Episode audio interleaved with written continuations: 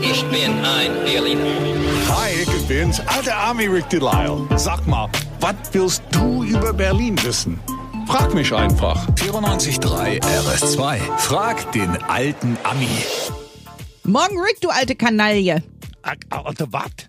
Hallo, du bist ein alter Ami und ein alter Berliner. Du wirst ja wissen, was eine Kanaille ist. Nee, das weiß ich überhaupt nicht. Erzähl mir mal, frag den alten Gerlinde. Was Naja, ist eigentlich, frag den alten Ami ist eigentlich das, der neue Begriff für frag die alte Kanaille. Das ist dann vielleicht das ja sogar noch älter als du, das Wort. Echt? Eine, das ist wie eine Knalltüte. Kanaille ist wie eine das? Knalltüte.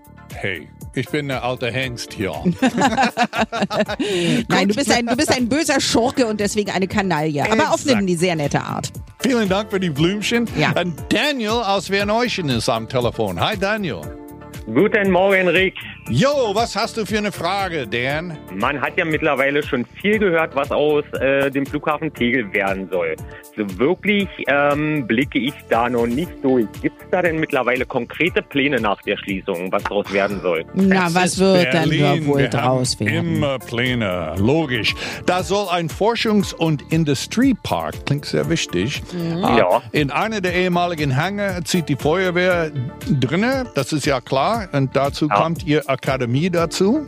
Ah, Aha. Der Hauptterminal wird ein Campus für eine Hochschule und drumherum ziehen ganz viele Startups, also Unternehmen, die gerade upstarten möchten in Berlin. Aha. Ja, und dann sollen auch Wohnungen gebaut werden, ganz, ganz viel. Da kommt ein Wohnviertel mit eigenem Kindergarten, Einkaufsmöglichkeiten und alles. Und last but not least, um den Flughafensee herum wird es einen Landschaftspark geben, so groß wie 200 Fußballfelder. Da, können, wir, Okay. da können wir kitten jeden toll. Morgen. Wie geil, ne? Finde ich ja schön, wenn sie was für die Natur machen. Und da mit den Feuerwehrleuten, da möchte ich natürlich dann auch gerne wohnen, fällt mir gerade so ein, wenn wir über Feuerwehrmänner sprechen. Wir drehen, wir drehen da einen Film, nicht Police Academy, sondern Feuerwehr Academy. Sehr gut. Also, schön. es wird offensichtlich alles sehr gut genutzt. Vielen Dank, Daniel, für deine Frage. Die Mauerreste, die haben wir alle schon tausendmal besichtigt. Denkst du, welches verborgene Mauerstück du noch nicht gesehen hast? Das verrät dir der alte Ami am Montag.